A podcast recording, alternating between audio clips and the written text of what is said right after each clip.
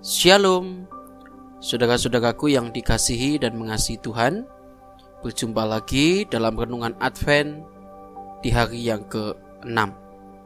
Bapak Ibu, saudara-saudaraku yang dikasihi Tuhan, firman Tuhan pada hari ini terambil dari Wahyu pasal 22 ayat 20. Demikianlah firman Tuhan.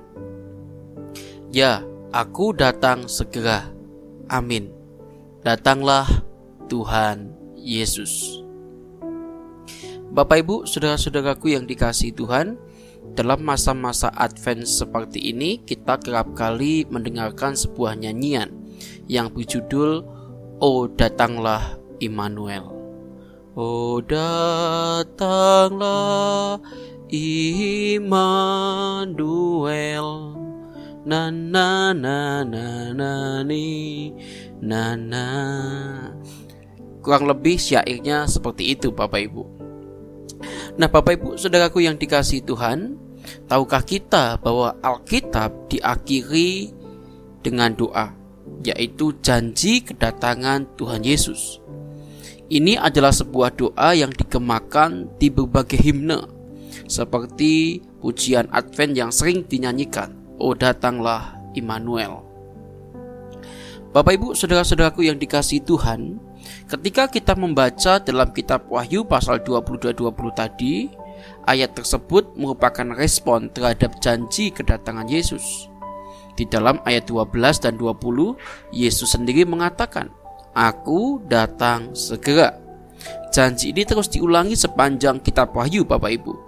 Ada beberapa bagian di mana janji ini terucap atau tercatat di dalam kitab Wahyu di mana di dalam janji tersebut Kristus menjanjikan adanya penghakiman bagi sebagian orang dan berkat bagi yang lainnya. Sampai pada akhirnya janji tersebut memancing sebuah jawaban yaitu datanglah.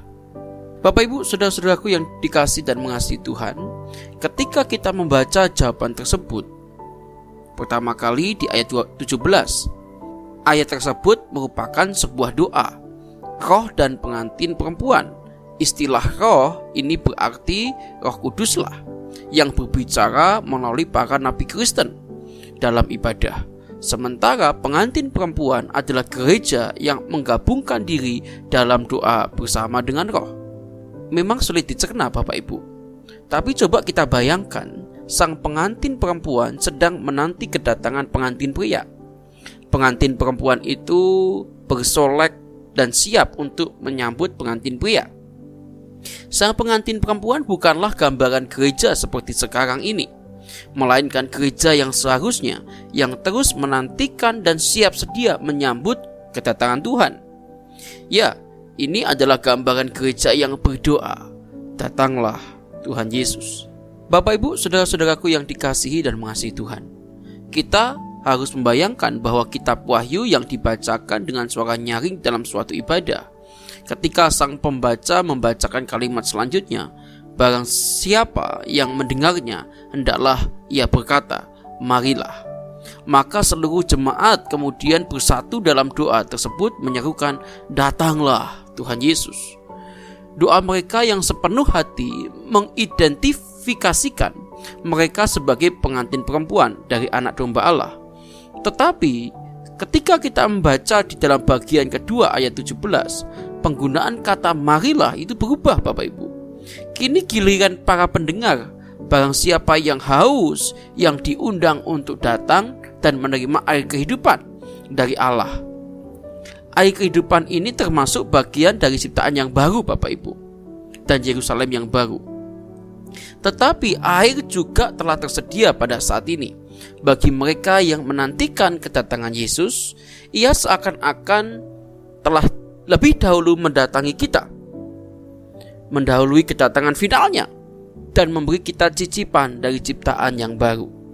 Karena itulah artinya keselamatan untuk kita, yaitu ketika kita menantikan Kristus, karena kita adalah terlebih dahulu berjumpa dengan Kristus.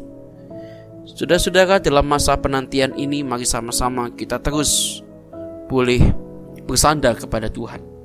Dalam masa-masa Advent ini, kita terus mengintrospeksi diri kita.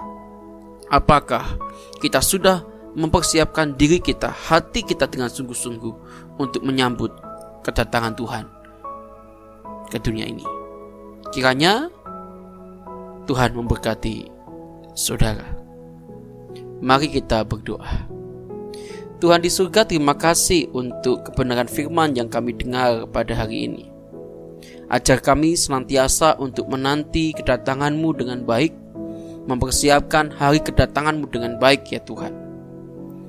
Kiranya di dalam momen-momen Advent ini menjadi ajang buat kami untuk mengintrospeksi diri kami. Apakah kami sudah hidup benar di hadapan Tuhan?